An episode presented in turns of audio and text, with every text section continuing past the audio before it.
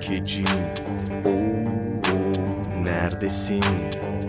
Oo, ölmedin Öldüreceğim Oo, kekecim Oo, neredesin? Herkese merhabalar. Lak Lak Podcast kısa bir aradan sonra sizlerle yine birlikte Ee, bu yeni sezon mu diyelim Edil buna? Yeni sezon diyelim. Tamam yeni sezonun ilk bölümünde bize bir konuk daha var. Uzun süredir bizi dinleyen aynı zamanda benim üniversiteden arkadaşım olan Emre Norveç'ten bize katılıyor. Merhabalar Emre. Merhabalar Onur, merhabalar, mer- merhabalar Edil. Hoş geldin Emre. Canlı yayın kazası oldu diyebilir miyiz? Aynen. Başladık. Dil sürçmesiyle başladık. Ee, nasıl gidiyor karantina günlerinde hayatlar? Hmm, Önce yani- Emre'ye soralım. Aynen. Ben e, şey bilgisi vereyim. E, Norveç'te Trondheim'da yaşıyorum. Biraz kuzeyde bir şehir. O Evet. yüzden kışları bayağı karanlık oluyor. Yazları da tam tersi bayağı aydınlık oluyor. Bu şeyin başladığı işte koronanın başladığı, karantinanın başladığı zamanlarda Mart başı işte Mart ortası daha böyle aydınlanmaya yakındı. O yüzden böyle çok şanssız yakalanmadık diyeyim.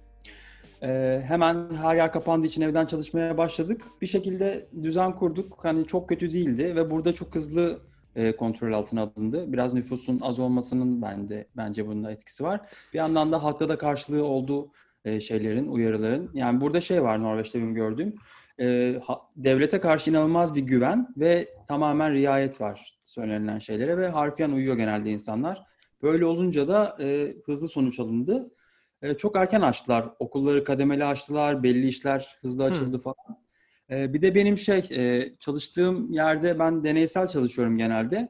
E, bizim şirket şey yaptı. Laboratuvarda işi olanlara e, gidebilme hakkı tanıdı. Gide, laboratuvarda çalıştığın için e, ofisini de kullanabiliyorsun. Hı hı. Tek kişilik ofislerin varsa. E, benim öyle bir şansım da oldu. Ben mesela günü ikiye bölüyordum. E, sabahları biraz evden çalışıyordum. Sonra da öğlen deneylerime gidiyordum. O, o yüzden benim için çok zorlu geçmedi açıkçası. Anladığım kadarıyla Norveç halkında bir şey durumu var. Devlet başa kuzgun neşe. yani inanılmaz devletçiler ya o bakımdan beni çok şaşırtıyor bayağı bir şeyde yani hani davranış şekilleri olarak. Ya Ama benim tabii de devletim Norveç olsaydı ben de inanılmaz devletçi olurdum. farklı yani. Butik bir devlet kurmuşlar orada güzel. Kendi çapında. Egzotik bir devletiniz var. Tebrik etmek lazım. Teşekkür ederiz. Ne kadar yine sağcı da olsa baştaki yani parti tabii ki koalisyon ama bir çoğunluğu olan yine sağcı. Siz sağ, sağcı görmemişsiniz. yani ben Onu, diye, onu diyecektim ya. Norveç'in, Norveç'in sağcısı nasıl oluyor Emre? Kısaca özetlemen gerekirse. Yakışıklı ve güzel. Kadınsa yakışıklı, erkekse güzel. Mi? Yok tam tersi. Hepsi sağcı da solcu olsun olmasın hepsi güzel. Hani bu ortalamaları çok yüksek, çok iyi bakıyorlar kendilerine. E, sağcıları yani benim gördüğüm ya böyle çok merkez gibi değil. E, gerçekten hani biraz böyle yabancılar gelecek işlerimizi alacak kafasında olanlar. Ki doğru Evet. haklılar. Evet. Ama sayemizde de vergileri ödeniyor. E, yaşlılar ne bileyim maaşlarının çoğunu rahat rahat alabiliyorlar yani bilmiyorum. Bence sisteme katkı veren, vergi veren göçmenleri bağırlarına basmaları lazım.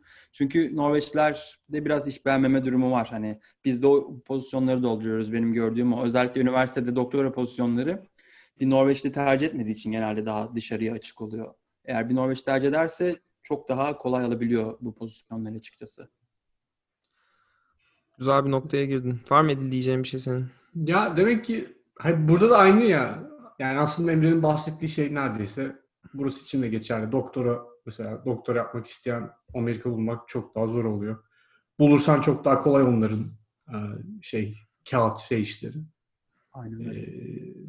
demek ki çok da bir fark yok ya. Yani tabii çok çok fark var aslında da.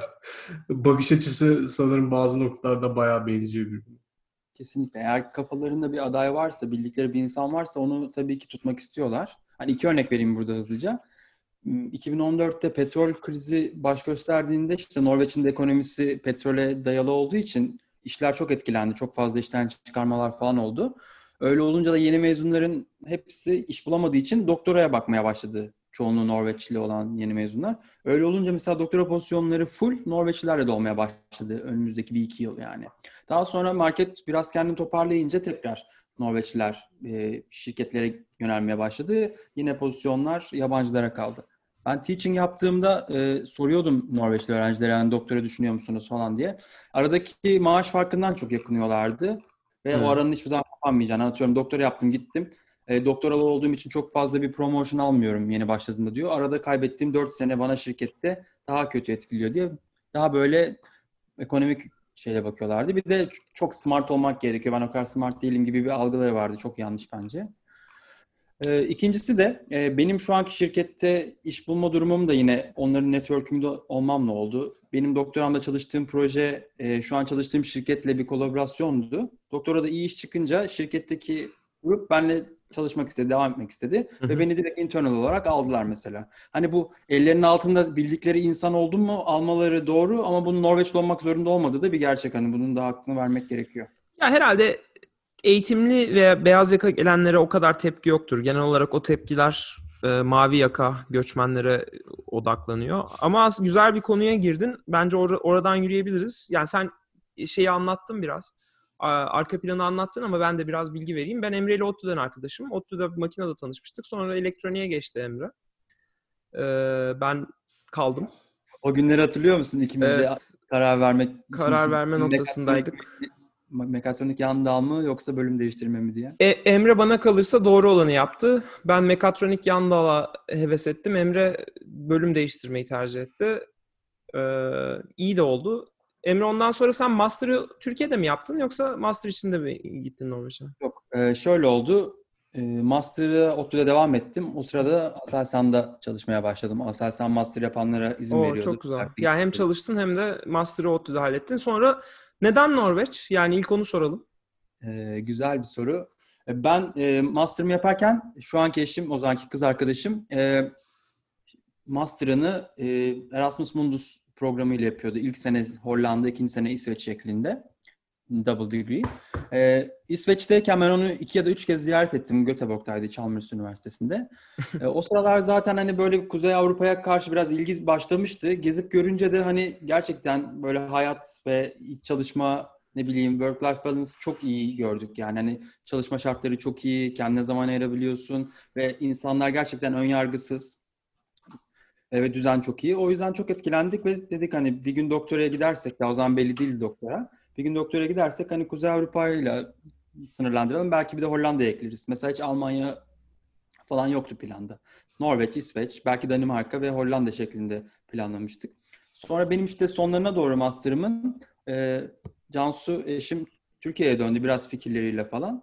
Ve baktı olacak gibi değil. O da tekrar yurt dışına çıkma kararı aldı. Cansu olunca- peki master'a doktoraya mı gelmişti yoksa o direkt sen doktora gittikten sonra nasıl oldu?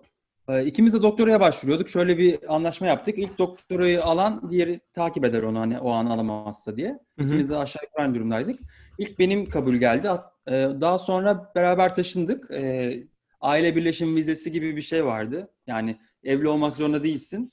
E, Onu gö- kanıtlarsan beraber olduğunu belli bir süre e, getirebiliyordun e, eşini E, veya işte Partnerini. partnerini. Ee, o yüzden o geldiğinde hiçbir şey yoktu ama çok girişkendi. Ne bileyim İsveç'te falan çok fazla e, şeyler öğrenmişti. Hani böyle neler yapabileceğine dair. Gelince buradaki üniversitedeki gerekli bölümde kim, kimya mühendisliğinde işte pro- profesörlere gitti, CV'sini verdi, ne yapmak istediğini falan söyledi. Öyle olunca böyle biraz bir kendini tanıttı. Ee, birkaç bu arada da tabii ki doktora pozisyonlarına başvuruyor üniversitedeki ve mülakatlara giriyor ama olmuyor falan. Biraz böyle bir yıl böyle geçti. Ee, Burada bir de eğitim ücretsiz olduğu için yani çok cüzi bir sömestr parası veriliyor. Ee, Dışarıdan öğrenci olarak e, external ders aldı. Çok akıllıca bir taktikti.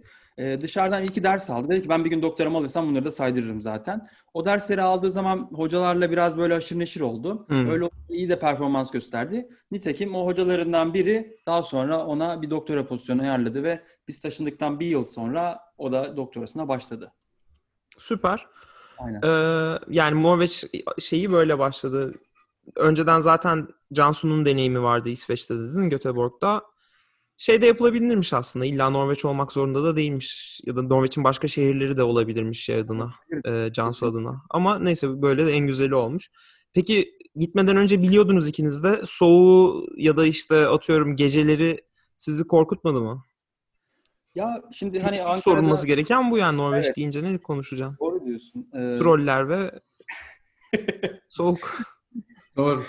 Ama güzel yanları da fiyortlar ve kuzey ışığı diyeyim. Ya şöyle diyeyim.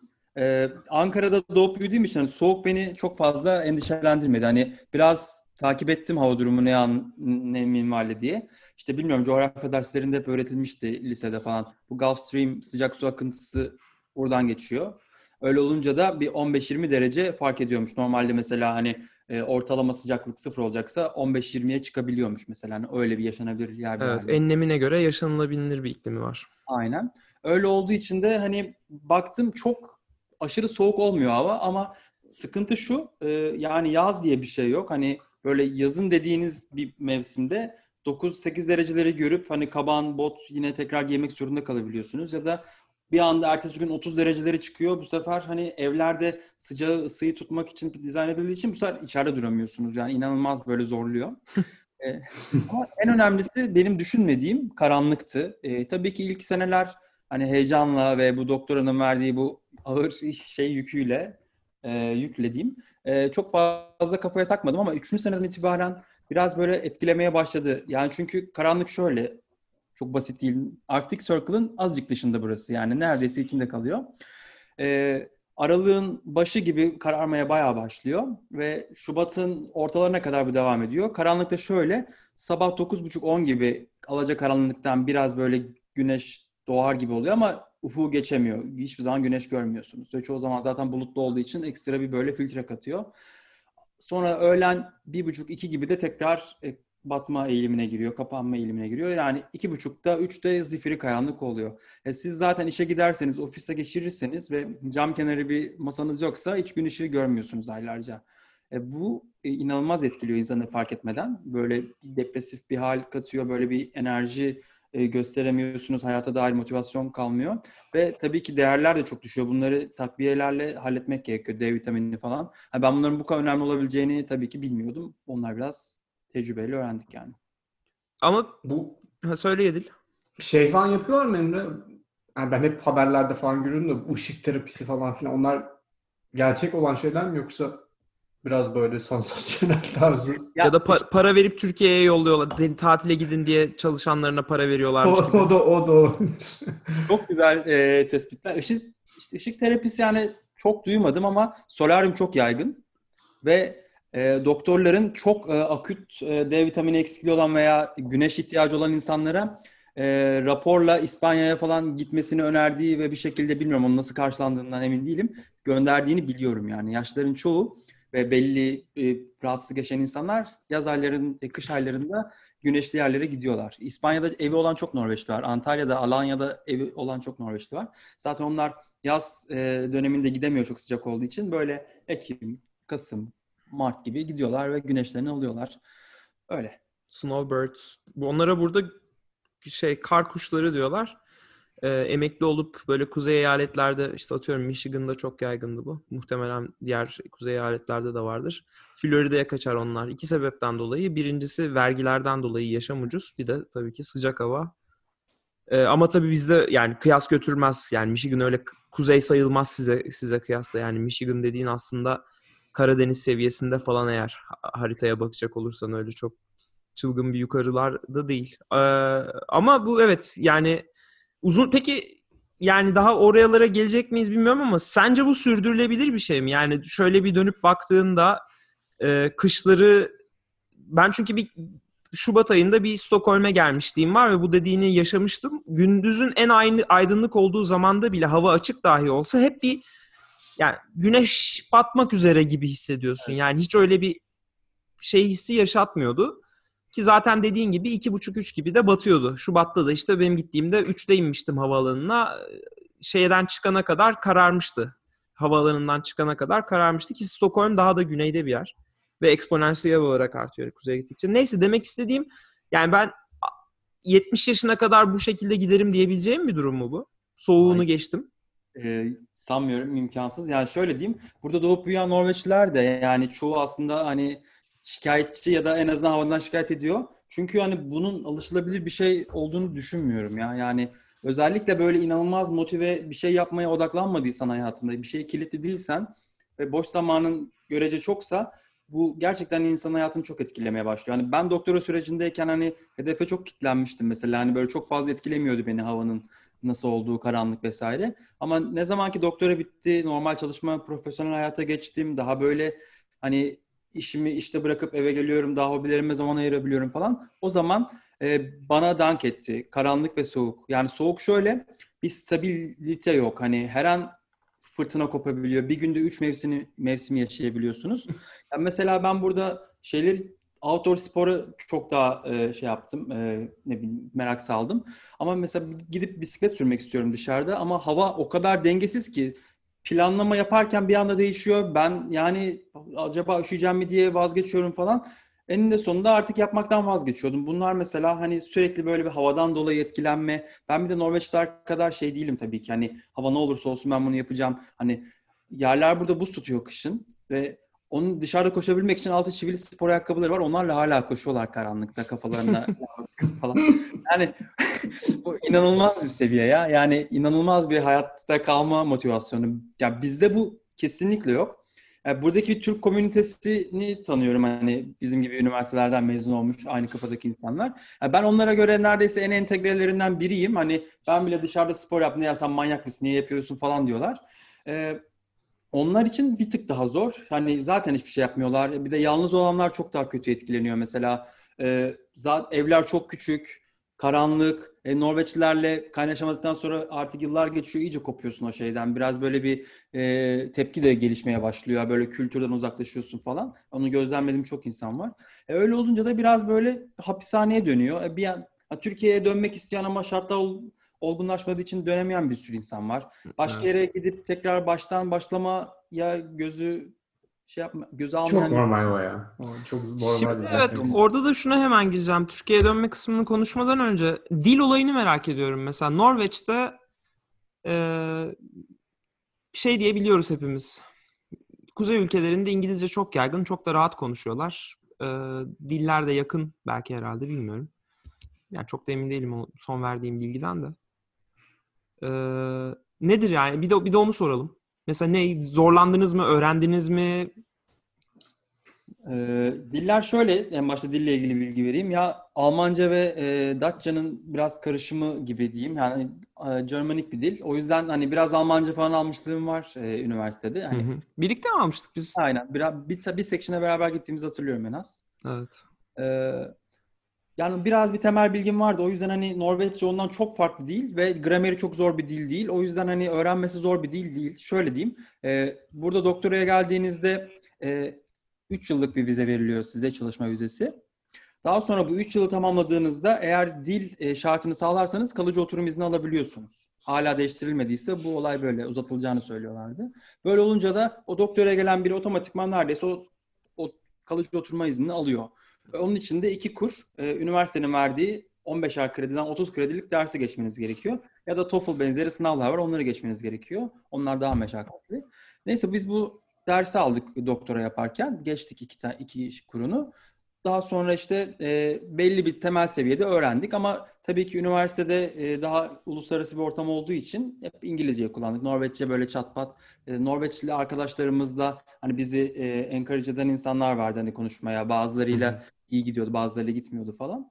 E, ya Norveççe'de şöyle bir şey var. Bizim öğrendiğimiz Norveççe Oslo Norveççesi diyeyim. Yani iki tane iki farklı resmi Norveççe var. Bukmål dedikleri bu Oslo civarında konuşulan. Bir de Ninoş denilen bir dialekt var. O da yeniden oturup yazılmış bir dil Norveç e, bağımsızlığını kazandıktan sonra. Bu iki dil bayağı farklı. Ne kadar ve, enteresanmış. Evet, evet bayağı enteresanmış. Ya. Coğrafi olarak çok nasıl söyleyeyim birbirinden uzak yerleşimler olduğu için Norveç'te çünkü dağlar var hani iklim koşulları vesaire. Her yerin kendine özgü bir dialekti var. Buranın dialekti inanılmaz kötü diyeyim. Gerçekten farklı kelimeler, farklı gramer, farklı bir dil gibi. Yani İsveççeyi daha çok anlıyordum buradaki buranın dialektinden o kadar söyleyeyim size. Hadi Öyle ya. olunca bizim yazılı olarak öğrendiğimiz ve konuşmaya çalıştığımız sınıftaki dille buradaki günlük hayatta kullanılan tamamen farklı. Ben hani sanıyordum ki belli bir noktaya kadar ben Norveççe anlayamıyorum. Meğersem buradaki diyalektmiş. Ne zaman ki o bir şey söylüyor anlıyorum. Televizyona bakıyorum ama biraz bir şeyler yakalıyorum falan. O biraz da bir aydınlanma yaşattı. İkincisi burası daha küçük bir şehir. 200 bin e, nüfusu 200 bin civarında ve öğrenci şehri. Üniversite çok büyük. E, öyle olunca da e, nasıl söyleyeyim bir kasaba gibi yani büyük Oslo gibi değil. Öyle olunca yo, lokal halk daha böyle tabii ki Norveççe e, meyilli. Ama herkesin İngilizcesi inanılmaz iyi. Yani kapı komşum var 72 yaşında. Yani İngilizce bayağı uzun süre konuşabiliyor yani. Hani ilk başlarda öyle şey yapıyorduk. Vay be. E, bu inanılmaz bir seviye. Zaten gençlerin hani native like inanılmaz iyi. Hani İngilizceyle tamamen tutunabilirsiniz hayata hiç problem yaşamadan bu şehirde bile. Ama e, çalışma hayatında Norveççe zorunlu diyeyim. Bizim şirket de öyle. O yüzden bütün toplantılar, yazışmalar ve çoğu e, internal raporun Norveççe olması gerekiyor. Aa, çok enteresan. Yani so- tam tersine burada mesela sosyal hayatta istediğini yap, iş yerinde e, ya bu iyi bir örnek olmadı. Yani nasıl diyeyim Almanya'da sanırım öyle. Almanya'da Yo bu da iyi bir örnek olmadı. Şeye çok şaşırdım. İş, iş yerinde Norveççenin zorlanmasına şaşırdım. Şöyle şaşırdım. Yani sosyal hayatta Norveççe konuşmanı insanlar bekleyebilir. Çünkü bilmiyordur. Ama Evet. iş yeri daha e, şey kozmopolit bir ortam ya da işte beynelmilel bir ortam olduğu için orada İngilizce konuşmanda daha çok izin çıkar diye düşünmüştüm ama tam tersini söylüyorsun sen. Yani genel olarak böyle zorluyorlar. Bir de şöyle düşünüyorlar. Eğer e, yani sen buraya entegre olmazsan e, burada uzun süre kalıcı olamazsın Hmm. ve bu sana şirket bir yatırım yapıyor. O yüzden de hani biraz aslında senin iyiliğin için yani bunu öyle söylüyorlar. Bilmiyorum ne kadar hani samimiler. Hani Seni çünkü bağlıyorlar oraya ya. Aslında çok iyilikten çok. Sirkülasyon çok fazla çünkü. Hani bir Evet. sene gidip giden çok, ona yapılan yatırım boşa gidiyor. O yüzden Evet. de diyor ki sen buraya entegre ol, dilini konuş ki daha çok hani sahiplen ve burada daha mutlu ol. Hani onu istiyor. E, onların da tabii biraz daha kolayına gidiyor. Bir de ikincisi şu, e, çalıştığımız daha küçük ölçekli şirketler, daha lokal şirketler böyle İngilizce konuşmakta biraz böyle çekingen olabiliyor insanlar veya böyle biraz paslanmış olabiliyor İngilizceleri. E, mesela bir iş bağlayabilecekken sırf bu dil bariyerinden ötürü çekingenlik yapıp e, istemiyor falan böyle durumlar da Hmm. olabiliyor. Bunu engellemek için de Norveççe e, her şey ama o tabii ki gerektiğinde İngilizce. Ben şu an sular seller gibi Norveççe tabii ki konuşamıyorum. E, bizim çünkü grupta da biraz böyle tanıştığım insanlar doktora zamanından da İngilizce başlamış bir arkadaşlığı ve iş ilişkisini değiştirmek çok kolay olmadı ama gittiği yere kadar Norveççe gidiyorum. Bazen İngilizce kelimeler serpiştiriyorum. Bazen bir, birkaç cümle İngilizce söylüyorum. Onlar bana Norveççe cevap veriyor. Anlıyorum zaten. Öyle gidiyor. Peki şey falan nasıl oluyor? Aslında kafama bir sürü soru geliyor. Bunları not etmem iyi olacak. Ee, televizyon izleme, tiyatro, ya zaten bilmiyorum Trondheim küçük bir yer. Oslo'ya mesafeniz ne kadar arabayla? Onu bir Hmm. sorayım önce. 500-600 kilometre ya bayağı var. Ve yollar Bayağı var yani bir Evet, 6-7 otobüs saat molayla e, 7-8 saati buluyor. Otoban olmadığı için hep böyle bölünmemiş yol Ha. bayağı uzun sürüyor. 7-8 saat en az. Wow. Ee, uçuşlar da ona göre tabii biraz pahalı ve zor oluyordur. Neredeyse Türkiye'ye gitme fiyatı oluyor ya. Yani Hmm. Oslo, Antalya Oo. fiyatı verdiğim oluyor yani Trondheim, Oslo'ya. Şimdi şey tabii bir uzak olmanın verdiği şey var. Sosyal hayat mesela Trondheim 200 bin nüfuslu bir yer dedin. Ee, çok da küçük değil aslında ama ne kadar aktif bir sosyal hayat var? Seni tatmin ediyor mu? Üniversite açıkken öğrenciler e, buradayken inanılmaz fazla aktivite oluyor. Yani şehrin ölçeğine göre e, çok fazla bar, kafe, restoran var. Hı hı. Ama şehirde inanılmaz yayılmış. Yani aslında yüz ölçümüne bakınca çok mesela hani sanki milyonluk şehir dersin. Yani tabii ki Hmm. yapılar daha kısa ama inanılmaz büyük. Ve insanlar yani. insanlar hani çocukluklarında atıyorum ya öyle hikayeler duyuyorum ki en yakın komşusu 10 kilometre ötedeymiş. Hani hiç evin ortasından bir insan var. Ve merkezde yaşamak onlar için bir kabus. O doğal olarak da herkes hani işe merkeze geliyor ama hep dışarı gidiyor evlerine. Öyle olunca merkez öğrencilere kalıyor ya da bizim gibi göçmenlere kalıyor. Ee, çok fazla hani aktivite oluyor dediğim gibi skalasına göre öğrenci şehri olduğu için hani bitmiyor. Ama tiyatro söylemiştim mesela. Tiyatro ben burada hiç gitmedim çünkü buranın e, şeyiyle diyalektiğiyleymiş ve gidenler çok olumlu izlenimlerle bana geri dö- dönüş yapmadığı için hiç denemedim. Ee, yani sinemaya falan gidiyoruz. İşte zaten hani orijinal dili İngilizce olan altyazısı Norveç, Norveççe oluyor. Onlara falan gidiyorum. Anladım.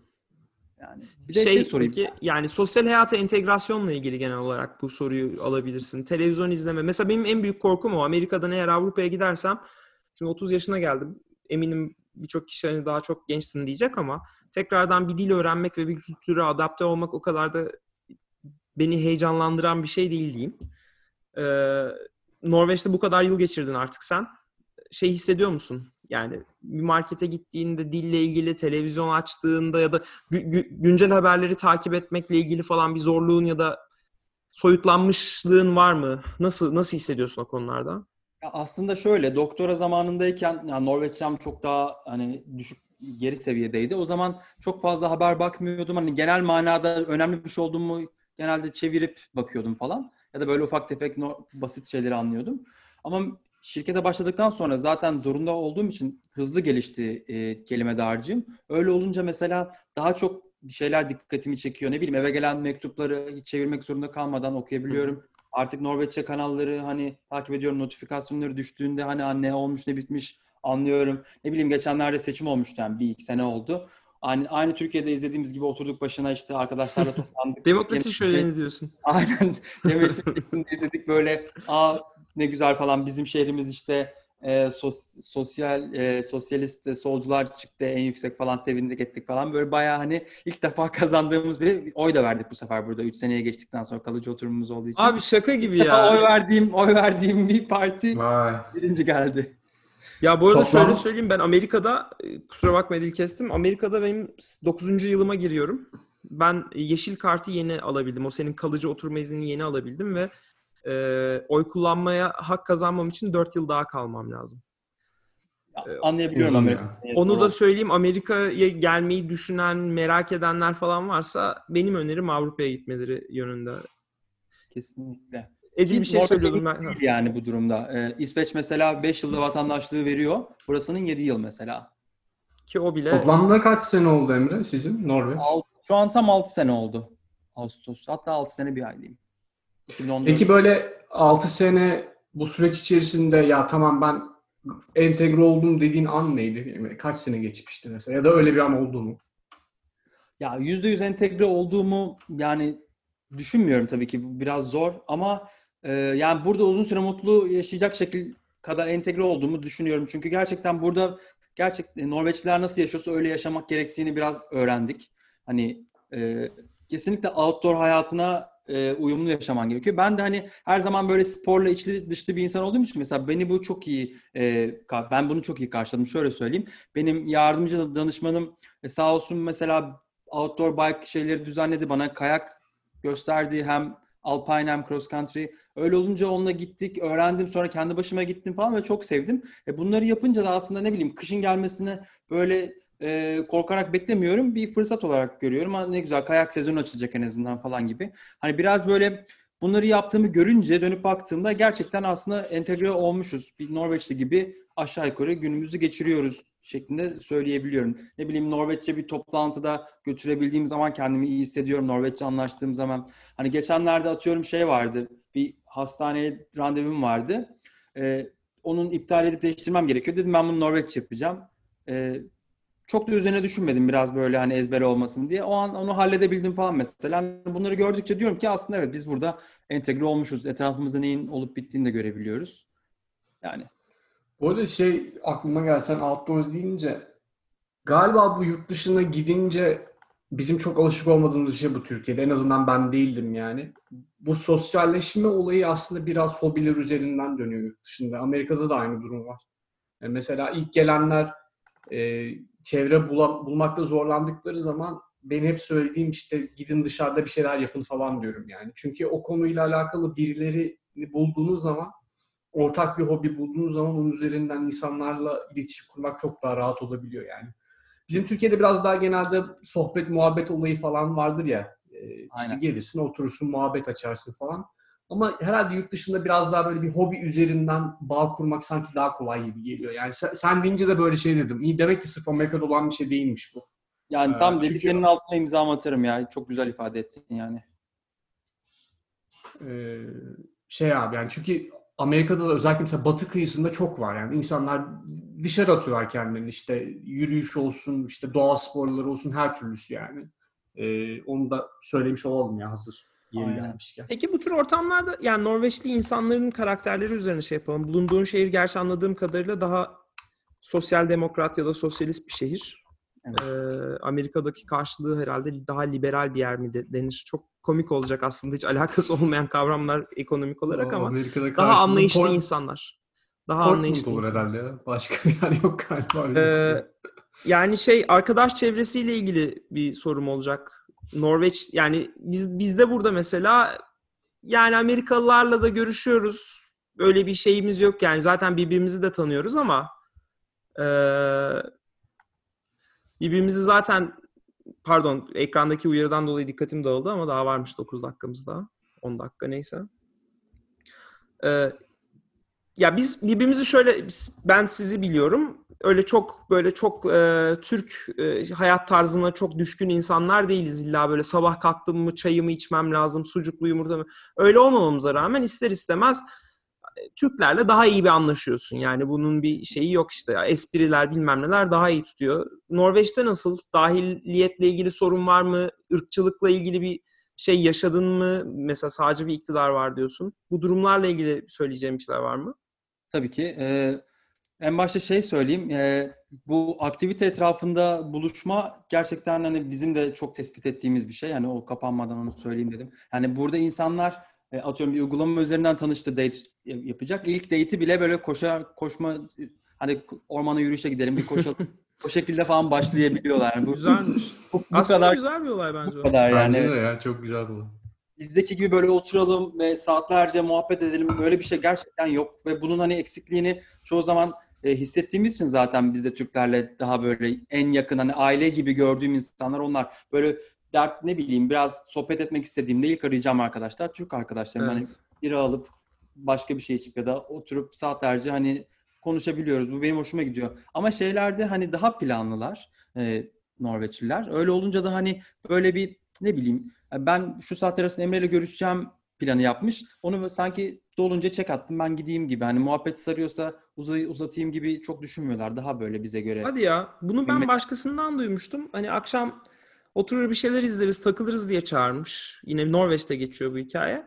Gelmişler, filmi izlemişler. Film bitince de görüşmek üzere diye gitmişler yani. Hadi bize müsaade. yani hani, hani Aynen. fi- film bahane ya aslında orada. Sen hani oturalım sohbet edelim, filmden sonra aynen. bir bira içelim falan. Yok hayır yani aktivite işte film.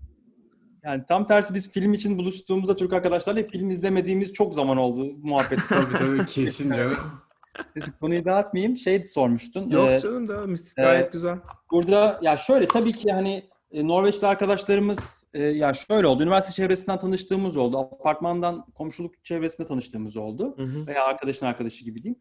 Genelde görüştüğümüz zaman belli periyotlarla görüştüğümüz insanlar var ama bizim yaş grubu artık böyle bir inanılmaz bir çoluk çocuğa karışma durumuna girdi. Bizim o hayatlarımız o yüzden örtüşmemeye başladı. Hani eskiden daha rahat görüşüyorduk, daha kolay e, planlı plan yapabiliyorduk. Şimdi öyle olunca bebekleri olduğu için onların evine bebek sevmeyi, onları görmeye gitme Hmm. Çok fazla yok zaten böyle onlarca yok. Hani 4-5 tane vardı böyle çok sıkı fıkı olduğumuz. Onların hepsinin çocuğu var şu an. Aa, Öyle olunca biraz zorlan zorlanıyoruz. Artık bu size de bir baskı yaratıyor bence Emre. Yani e, yo yaratmıyor. Hani biz net ya. Aslında bir şey soracağım. Bu ilk anlatırken aklıma gelen bir soruydu. Güzel yere geldi tekrar. Sence sen Cansu olmadan gelseydin buraya yapabilir miydin tek başına? Ya da sadece Norveç için de değil, yurt dışında. Ben mesela kişisel olarak şey diye düşünüyorum. Ben tek geldim Amerika'ya ve uzun süredir de tek yaşıyorum. Ve çok zorlandığımı düşünüyorum. Biri olsaydı çok daha kolay olurdu hayatım gibi geliyor. Kesinlikle yani bu kesinlikle gözlemlediğim bir şey. Ee, bizim beraber olmamız çok büyük şans birbirimiz için. Çünkü çok zor dönemlerden geç- geçtik. Yani bu 6 sene gerçekten tam bir roller coaster'dı yani. Birbirimize çok destek olduğumuz zamanlar oldu. Hı hı. Tek olsam muhtemelen şu an Trondheim'de olmazdım. Özellikle doktoradan sonra. Ee, çünkü tek olunca e, kendini soyutlama ihtimalin çok daha artıyor ve ben de hani ne bileyim daha böyle depresif dönemlerim oldu. Öyle dönemlerimde de iyice kapatıyorum kendimi ve hani Cansu geldi beni mesela çoğu zaman çıkardı ve hani bu kabuğu kırdırdı. Hani tek başıma olsam bilmiyorum. Muhtemelen ya Türkiye'ye dönmüştüm ya daha böyle Amsterdam falan gibi daha böyle merkezi yere gitmiştim. Hani Hollanda olabilir veya Oslo olabilir. Yani öyle şeyler yapmıştım ama bizim de çift olmamıza rağmen artık buranın da biraz sonuna geldiğimizi hissettiğimiz zamanlar oluyor. güzelliği hoş ama hem burada sirkülasyon çok. Çok yakın arkadaşlarımızın çoğu taşındı gitti. Çoğu Oslo'ya başka ülkelere. Öyle olunca biz de artık ufak ufak Oslo'ya niyetlensek mi diye düşünmeye başladık. Ama yaptığımız işi gerçekten çok sev- seviyoruz. İşte araştırmacı olarak çalışıyoruz. Ya burada ne bileyim TÜBİTAK minvalinde bir şirket, özel Hı hı. şirket. Ee, Sanırım hani- ünivers- e, Norveç'te başka bir arkadaşım da öyle bir yere gidiyor. Üniversitelerin böyle bir de ayrı bir enstitü, hani özele yakın enstitüleri var, oluyor. Her üniversitenin oluyor mu? Sizde mi öyle bilmiyorum. Bu üniversiteden bağımsız ama üniversiteyle Hmm. binaları ya- yan yana ve bütün projelerde kolaborasyon halinde çoğu labları beraber kullanıyorlar falan. Aslında yani totalde bir tek falan tarzı bir şey galiba yani. Evet. O tarz. yani. aynen. Ee, Burada yani yaptığınız şey- işi sevdiğinizi söylüyordun. Kestim. Aynen. Hani belli bir kariyer inşa ediyoruz. iyi gidiyor. Hani iş arkadaşlarımızı seviyoruz. Hani o yüzden de böyle her şeyi bir çırpıda silip atıp hani ne varsa Oslo'ya gidelim şu an diyemiyoruz. Hani iyi bir fırsat çıktığında ama muhtemelen o atılımı yapacağız. Yani daha rahat Türkiye'ye gidebilmek için, daha rahat başka yerlere gidebilmek için uçuşlar olsun, ne bileyim daha büyük şehir havasını özlediğimiz için sanırım onu yapacağız nihai olarak. Benim iki sorum daha var. Biraz süremiz kısaldı. Bizim şeyin ayırdığı Zoom'un. Öyle öyle de cimri bir programımız. İşte bedavaya getirmeye çalışıyoruz her şeyi. Sponsor buradan sponsor veren yok ya yok. Neyse parası neyse yeri geliyor Edil Edil'le biz onu Vegas'ta yediğimizi bilirim o paraları. Şimdi şeyi Doğru. sormak istiyorum. İş, iş hayatıyla ilgili aslında bir sorun var. Türkiye'de de sen çalıştığın için bir onu kıyaslamak istiyorum. Türkiye'ye ne kadar sık gidip geldiğinizi sormak istiyorum. Bir de Oslo, yani hala Norveç'te anladığım kadarıyla planlar. Sonrasında hani şey olur mu diye. Daha Türkiye'ye dönüş planları, daha güneye gitme planları var mı? Onları da merak ediyorum. Sizce bir bölüm daha yapalım mı? Yoksa kalan 4-5 dakikada sığdırırız mıyız? yani ben anlatabilirim. Hani ne bileyim iyi gidiyor. Bence bir bölüm bir bölüm daha yapabiliriz ya. Tamam bir bölüm daha yapalım o zaman. Onda da daha geyik muhabbetlere gireriz Norveç hayatıyla ilgili. Aynen. Demin, demin sen şey sormuştun onu da söyleyeyim. Irkçılıkla ilgili yani Hmm. hiçbir şey yaşamadım gibi diyebilirim. Yani çok ufak bir şey yaşadım ama o ırkçılık mı değil mi emin değilim. O yüzden hani anlatmama gerek yok. Ee, Norveçliler o bakımdan da yani benim çok kalbimi kazandı diyeyim. Yani inanılmaz açık fikirliler ve e, Türklere karşı da ön yargılı değiller. Çünkü çok bir bilgileri yok açıkçası. Öyle olduğu için de hani böyle nötr yaklaşıyorlar ve hani seni görüp seni tanıdıkça da hani e, pozitifsen pozitif, negatifsen negatif ona göre bir bakış açıları oluyor yani. O yüzden şeyimiz çok iyi. O yüzden Norveç'te kalmak istiyoruz. İş e, hayatı, work-life balance inanılmaz iyi. Yani bunu kaybetmek tabii ki istemiyoruz. Bu buradaki o e, şirketlerdeki çalışma prensibi flat yani gerçekten hani herkese ismiyle hitap etme ve bu sadece hani şeyde değil. Gerçekte de öyle hani ben bunu yapmak istiyorum, yapmak istemiyorum dediğinizde saygı duyulması veya genç de olsanız ya muhtemelen sizin orada da oradadır. Öyledir. E, yani sorumluluğu alabilmeniz, kimsenin böyle yani sen daha kimsin, ben buradayken sana bu iş düşmez dememesi bu tarz şeyler benim çok hoşuma gidiyor. Çünkü önceki tecrübelerim maalesef çok iyi değildi Türkiye'de çalışma tecrübelerim. O zaman Ya sen de iyi bir çalışmayı, iyi, ortamı diye denir yani. bir Genel. sonraki bölümde Aselsan'ı gömüyoruz. Başka? Yani daha ne bileyim merak ettiğiniz şeyler tamam. olur. Daha merak ettiğimiz şeyleri sorarız. Daha var ya benim aklımda birkaç soru var. Bir sonraki Güzel. Bunları sorarım. unutmadan not alalım Edil şimdi aklımıza geldikçe. Tamam Ee, tamam. İyi fikir. Hazır aklımızdayken bir sonraki bölümde o zaman Emre ile sohbete devam ederiz. Evet. Şimdilik e, yeni sezonun ilk bölümünden herkese ne diyelim? El, bye bye mı diyelim? Ne ne denir? Tekrar Bay bay. bizi dinlediğiniz için teşekkür ederiz mi diyelim? Aynen. Evet öyle değil. O zaman Emre, Emre'ye de katılım için teşekkür ederim. o evet o Yani sonsuz teşekkür. Valla zaman nasıl geçti anlamadım. Ben Severek- bayılıyorum ya. Böyle bizim dinleyicilerimiz bizden daha şey articulate konuşuyorlar. Daha böyle edepli ve kelimeler düzgün uygun falan böyle. Çok Ve hoşuma gidiyor. konudan çok sapmadan. Nasıl beceriyor? Oğlum, yani Gereksiz ciddi olmuş da olabilir. Yok abi hayır podcast yapacak son insanlar olarak biz podcast yapıyoruz. Yani hani konuklarımız bizden daha iyi podcast yaparmış meğerse. Şimdi Ama neyse Zoom bizi... Şey budur yani rahat olmanız. E hadi bakalım teşekkür ederiz. Zoom bizi atmadan biz kendimizi çıkalım. Tamam. Ee, görüşmek üzere haftaya. Bay bay. Görüşürüz bay bay. Herkese. Oh, neredesin?